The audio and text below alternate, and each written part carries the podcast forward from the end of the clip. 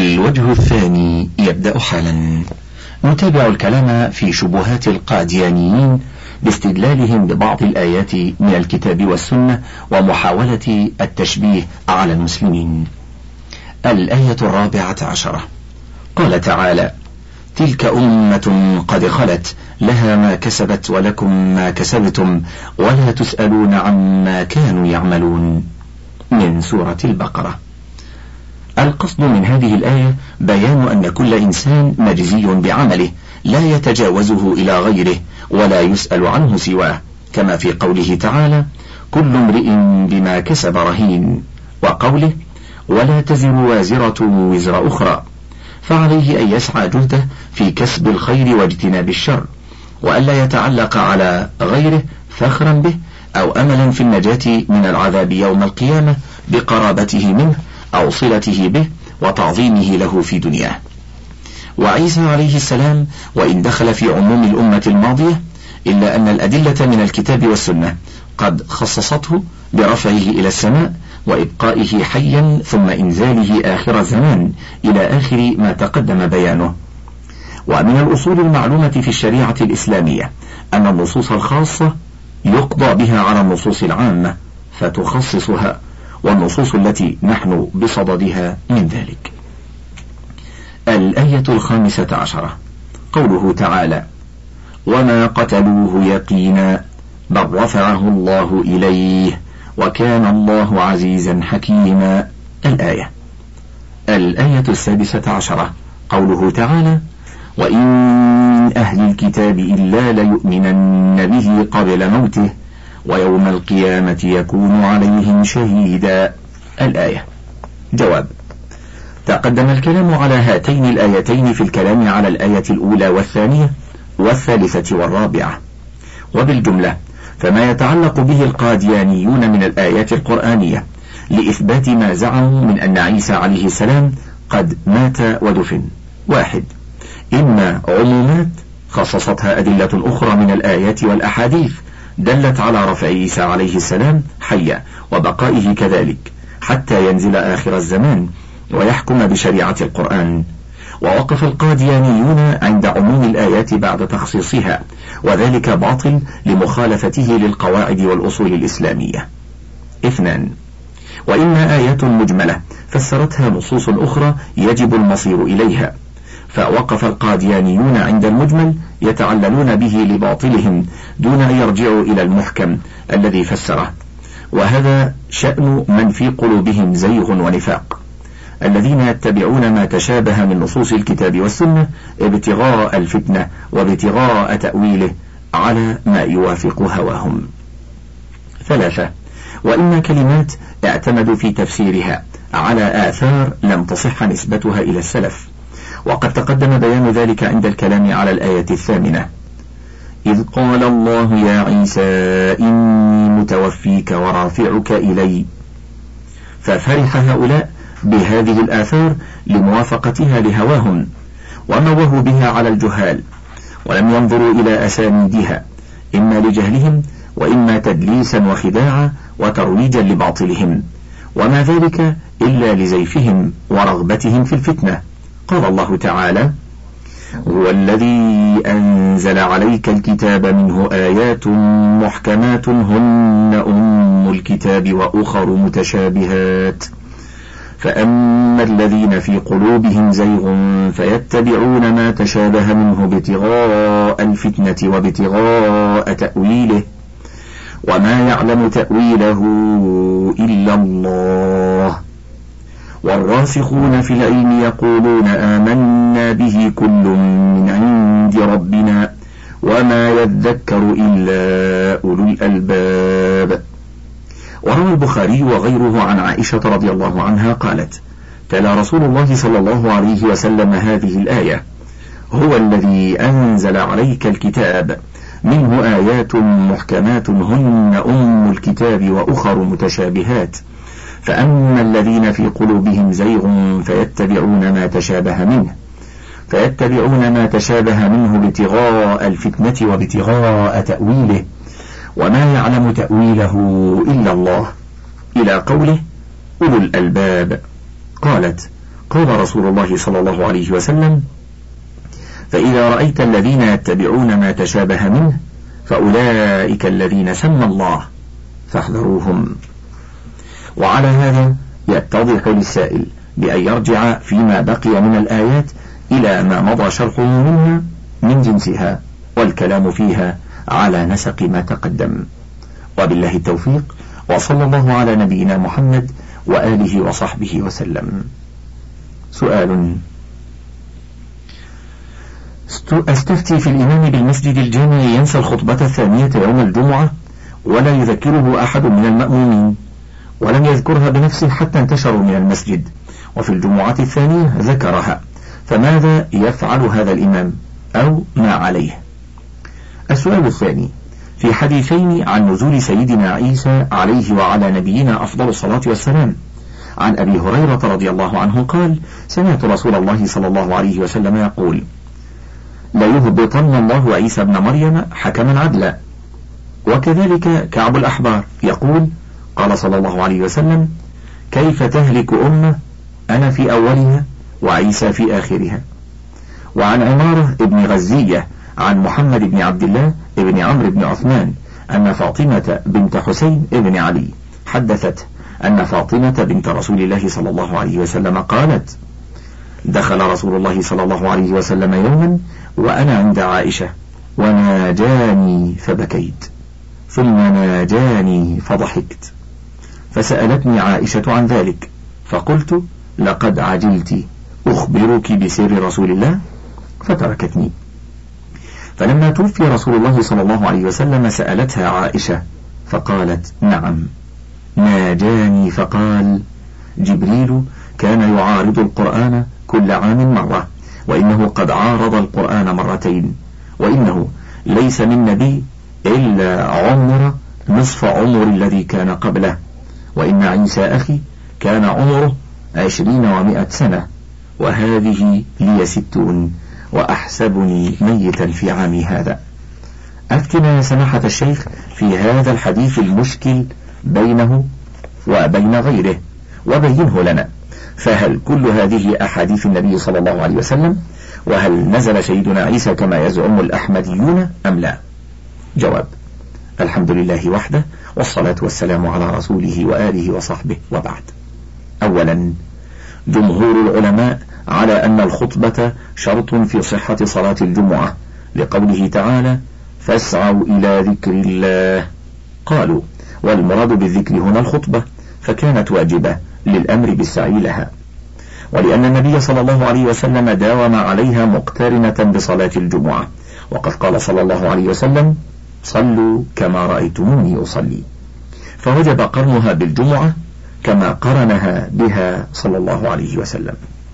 وقال جماعة إن الخطبة ليست شرطا في صحة صلاة الجمعة منهم الحسن وابن الماجشون لأنها ليست المرادة بالذكر في الآية وليست صلاة فلم تكن مأمورا بها في الآية ولا في الحديث. وإنما هي من فعله صلى الله عليه وسلم داوم عليه فكانت سنة لا تبطل الجمعة بتركها.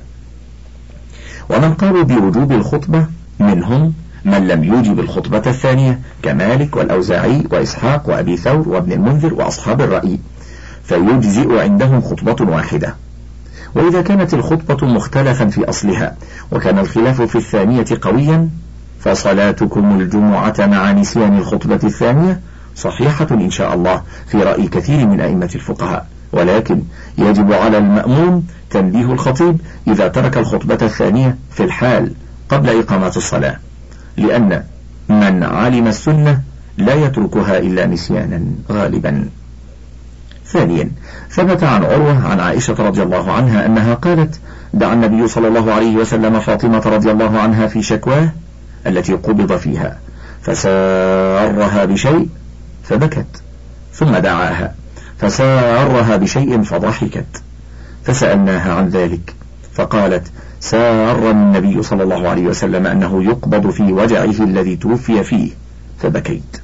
ثم سارني فأخبرني أني أول أهله يتبعه فضحكت. رواه البخاري ومسلم.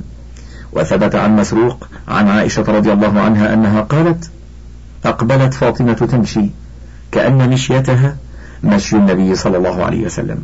فقال النبي صلى الله عليه وسلم مرحبا بابنتي. ثم أجلسها عن يمينه أو عن شماله.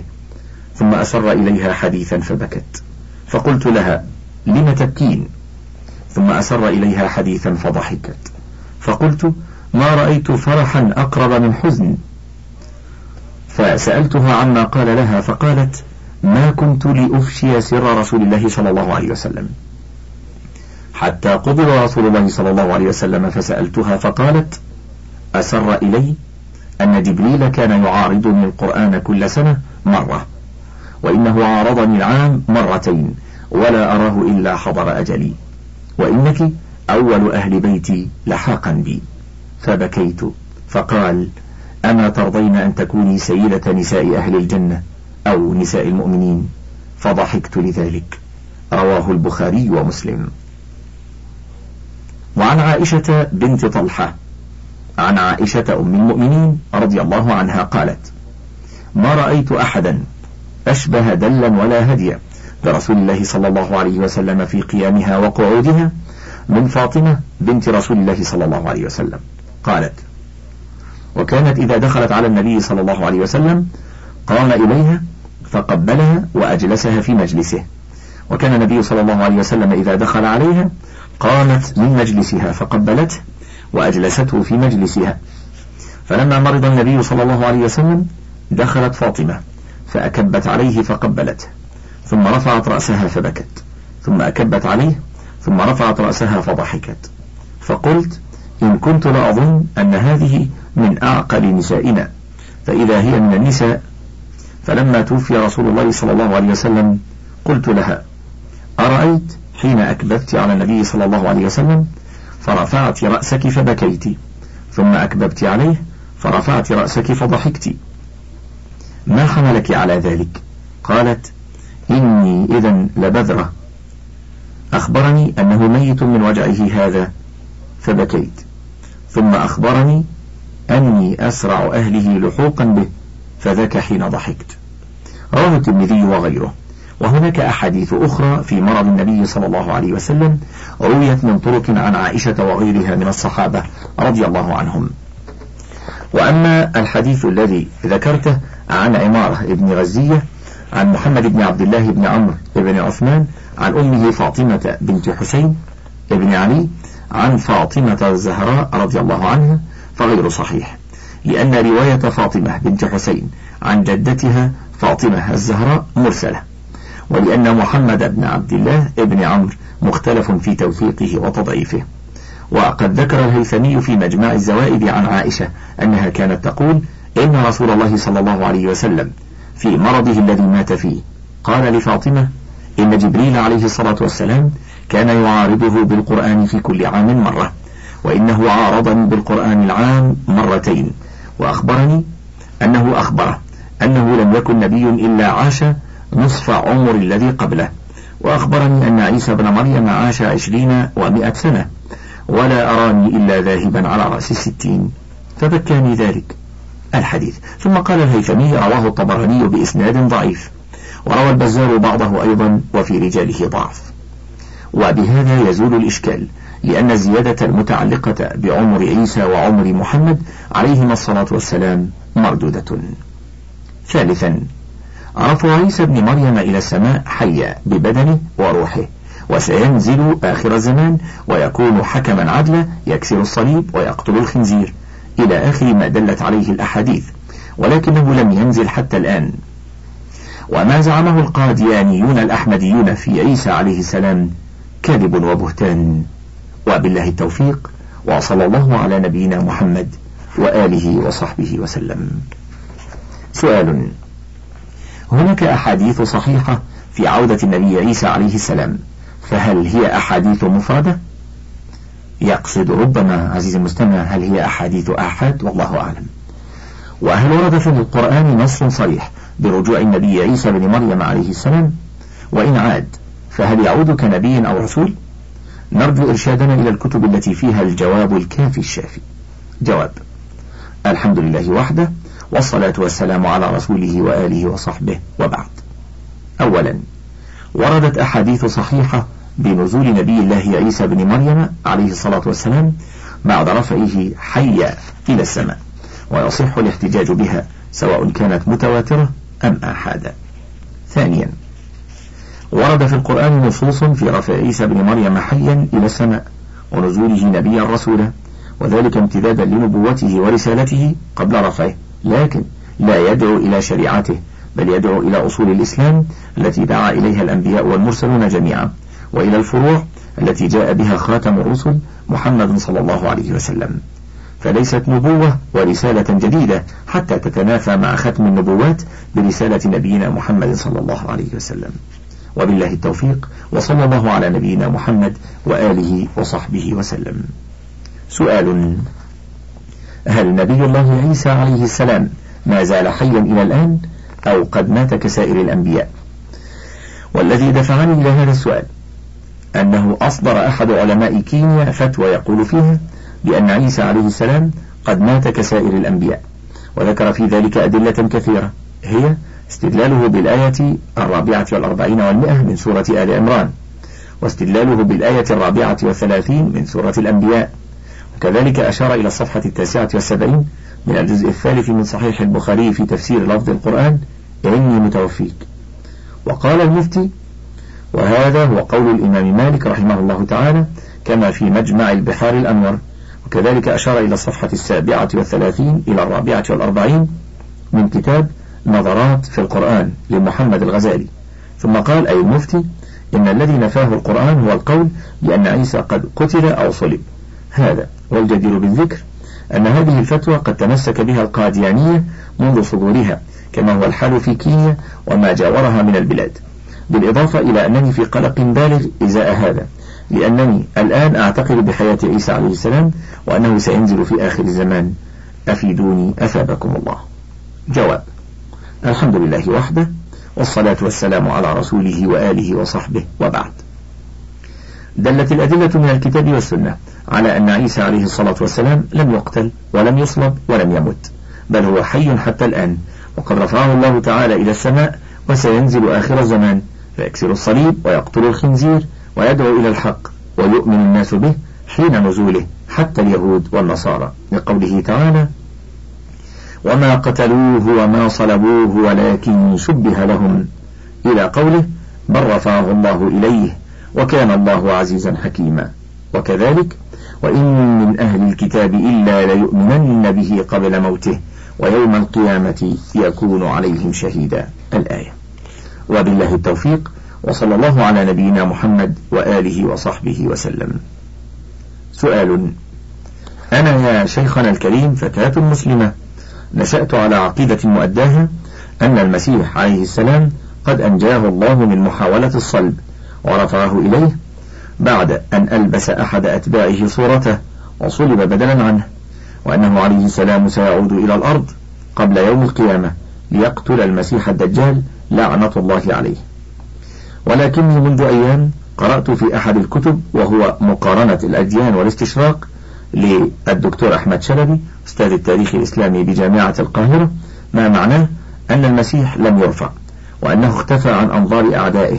وأنه مات في مكان ما موتة عادية وقبر كأي إنسان وأن أحاديث رسول الله صلى الله عليه وسلم التي ورد فيها أن عيسى عليه السلام سينزل في آخر الزمان ليقتل المسيح الدجال هي أحاديث آحاد لا يؤخذ بها في المسائل الاعتقادية. والمسألة هنا اعتقادية. وهانني أنني قرأت له أن هذا الرأي هو رأي بعض علمائنا الأفاضل أمثال الشيخ المراغي والشيخ شلتوت والشيخ سيد قطب وغيرهم. والحقيقة أنني قد انتابتني حالة من القلق وعدم معرفة الحقيقة. وسؤالي الآن ما هي أحاديث الآحاد؟ وهل لا يعمل بها كما قال الأستاذ أي أحمد شلبي في المسائل الاعتقادية؟ وإن ثبت في صحيحي البخاري ومسلم ما هي عقيدة المسلم الواجبة في المسيح عليه السلام؟ ولا يسعني إلا أن أتقدم إليكم بالشكر. ويدفعني علمي بكرمكم وتفانيكم في خدمة الدعوة. إلى ذلك. جواب الحمد لله وحده والصلاة والسلام على رسوله وآله وصحبه وبعد. أولا الحديث ينقسم إلى متواتر وآحاد. فالمتواتر ما رواه جماعة يستحيل تواطؤهم على الكذب عن مثلهم وأن يكون مستندهم في انتهاء السند الحس من سماع أو نحوه. والآحاد ما فقد شرطا من هذه الشروط والمتواتر يحتج به في العقائد والفروع كالقرآن والآحاد يحتج في الفروع بإجماع ويحتج به في العقائد على الصحيح من قولي العلماء. ومن رأى أن لا يحتج به في العقائد فقد خالف فعله رأيه. فاحتج به في العقائد والأصول بل احتج بالضعيف منه في ذلك. ثانيا العقيدة الصحيحة في عيسى عليه الصلاة والسلام هي عقيدة السلف خير القرون التي شهد لها النبي صلى الله عليه وسلم بالخير من أن عيسى عليه السلام لم يقتل ولم يصلب ولم يمت وإنما رفعه الله إليه حيا ببدنه وروحه وأنه سينزل آخر الزمان فيكسر الصليب ويقتل الخنزير ويدعو الناس جميعا إلى الإيمان بشريعة محمد صلى الله عليه وسلم فيؤمنون به جميعا حتى اليهود والنصارى. لدلالة القرآن والسنة الصحيحة الثابتة على ذلك. وبالله التوفيق وصلى الله على نبينا محمد وآله وصحبه وسلم. سؤال مضمونه أما إذا كان من الضروري الإيمان بالأمور الآتية في دين الإسلام. أولا أن عيسى ابن مريم عليهما الصلاة والسلام رفع إلى السماء بجسده وروحه حيا لم يمت حتى الآن ولم يقتله اليهود ولم يصلبوه ولكن شبه لهم فزعموا أنهم قتلوه وصلبوه ووافقهم النصارى على زعمهم الكاذب لجهلهم. قال الله تعالى فبما نقضهم ميثاقهم وكفرهم بآيات الله وقتلهم الأنبياء بغير حق وقولهم قلوبنا غلف بل طبع الله عليها بكفرهم فلا يؤمنون إلا قليلا وبكفرهم وقولهم على مريم بهتانا عظيما. وقولهم إنا قتلنا المسيح عيسى بن مريم رسول الله وما قتلوه وما صلبوه ولكن شبه لهم وإن الذين اختلفوا فيه لفي شك منه.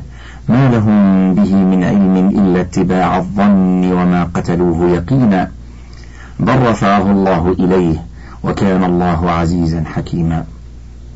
ثانيا أن عيسى بن مريم ليس ابنا لله وليس له أب من البشر. ولا غيرهم. بل أمر الله رسوله جبريل عليه السلام أن ينفخ فيها من روحه فنفخ فيها فحملت بعيسى عليه السلام. قال الله تعالى واذكر في الكتاب مريم إذ انتبذت من أهلها مكانا شرقيا. الآيات. ثالثا شرع الله تعالى الجهاد لنشر الإسلام وتذليل العقبات التي تعترض الدعاة في سبيل الدعوة إلى الحق والأخذ على يد من تحدثه نفسه بأذى الدعاة إليه والاعتداء عليهم حتى لا تكون فتنة. ويسود الأمن ويعم السلام وتكون كلمة الله هي العليا. وكلمة الكفر هي السفلى ويدخل الناس في دين الله أفواجا. قال الله تعالى وقاتلوهم حتى لا تكون فتنة ويكون الدين كله لله فإن انتهوا فإن الله بما يعملون بصير. وقال وقاتلوا المشركين كافة كما يقاتلونكم كافة واعلموا أن الله مع المتقين. وقال هو الذي أرسل رسوله بالهدى ودين الحق ليظهره على الدين كله وكفى بالله شهيدا. وبهذا يعلم أن الجهاد شرع لإخراج الناس من الظلمات إلى النور وإدخالهم في دين الله أفواجا حتى لا تكون فتنة. وللدفاع أيضا عن حوزة الإسلام. وبالله التوفيق وصلى الله على نبينا محمد وآله وصحبه وسلم. سؤال قد أرسل صاحبي إلي نشرة أرسل إليكم نسخة منها أرجو الإجابة على ما يلي. يقول المبشر المذكور القرآن يشير بكل صراحة إلى الإنجيل والنصارى. القرآن يذكر أن الإنجيل فيه الهداية والنور. سورة المائدة الآية السادسة والأربعون. القرآن يقول إن الإنجيل هداية للبشرية جمعاء. سورة آل عمران الآية الرابعة والثلاثون. القرآن يقول إن اليهود والنصارى يقرؤون الكتب السماوية. البقرة الآية الثالثة عشرة بعد المئة. ويقول إن النصارى يقضى لهم بموجب الإنجيل. المائدة الآية السابعة والأربعون. إذا كان محمد لديه شك حول القرآن فالقرآن يقول إنه ينبغي له أن يرجع إلى أهل الكتاب اليهود والنصارى. سورة يونس الآية الخامسة والتسعون. لم يذكر القرآن قط أن الإنجيل حرف أو أنه غير جدير بالثقة فيه. لو كان الإنجيل محرفا كما يزعم كثير من المسلمين لما قال القرآن إن النصارى أهل الكتاب وإنهم يقرؤون الكتاب السماوي. ولو كان الإنجيل محرفا أو مرفوعا إلى السماء كما يقول كثير من المسلمين لما نصح القرآن وأشار على النصارى بأن يحكموا الإنجيل لأنه لا يعقل أن يشير القرآن على النصارى بتحكيم إنجيل حرف أو إنجيل رفع إلى السماء. لو كان كتاب أهل الكتاب محرفا لما أشار القرآن على محمد أن يرجع إلى أهل الكتاب. عزيزي المستمع لا زلت أوالي قراءة السؤال الذي يستفتي فيه. وهل كان محمد في شك من القرآن؟ القرآن يشير بكل صراحة إلى الإنجيل والنصارى ويذكر أن الإنجيل فيه الهداية والنور. السورة الخامسة الآية السادسة والأربعون. وأنه هداية للبشرية جمعاء السورة الثالثة الآية الرابعة والثلاثون. جواب الحمد لله وحده والصلاة والسلام على رسوله وآله وصحبه وبعد. ذكر الله تعالى الإنجيل في القرآن وأمر أهله أن يحكموا بما أنزل الله فيه. ومما أنزل الله فيه البشارة ببعثة محمد صلى الله عليه وسلم ووجوب الإيمان به. بل أخذ الله الميثاق على كل نبي أن يؤمن بكل رسول أرسله الله تعالى بعده. فوجب على عيسى عليه السلام وأمته أن يؤمنوا بمحمد صلى الله عليه وسلم حين مبعثه وبما جاء به لعموم رسالته قال تعالى وأنزلنا إليك الكتاب بالحق مصدقا لما بين يديه من الكتاب ومهيمنا عليه. فاحكم بينهم بما أنزل الله ولا تتبع أهواءهم. فأخبر سبحانه أنه أنزل القرآن مصدقا لما قبله من الكتب السماوية مهيمنا عليها. يثبت منها الله ما شاء إثباته وينسخ منها ما شاء سبحانه. وأثنى سبحانه على من آمن به من أهل الكتاب اليهود والنصارى وذم منهم من لم يؤمن به. ونقض ما أخذ عليه الله من العهد والميثاق وفسق عن أمر ربه. قال الله تعالى ولو آمن أهل الكتاب لكان خيرا لهم. منهم المؤمنون وأكثرهم الفاسقون لن يضروكم إلا أذى وإن يقاتلوكم يولوكم الأدبار ثم لا ينصرون. إلى أن قال سبحانه ليسوا سواء من أهل الكتاب أمة قائمة يتلون آيات الله آناء الليل. وهم يسجدون يؤمنون بالله واليوم الآخر ويأمرون بالمعروف وينهون عن المنكر ويسارعون في الخيرات وأولئك من الصالحين. وما يفعلوا من خير فلن يكفروه والله عليم بالمتقين. انتهى الشريط السادس والثلاثون من فتاوى اللجنة الدائمة للبحوث العلمية والإفتاء وله بقية على الشريط السابع والثلاثين إن شاء الله.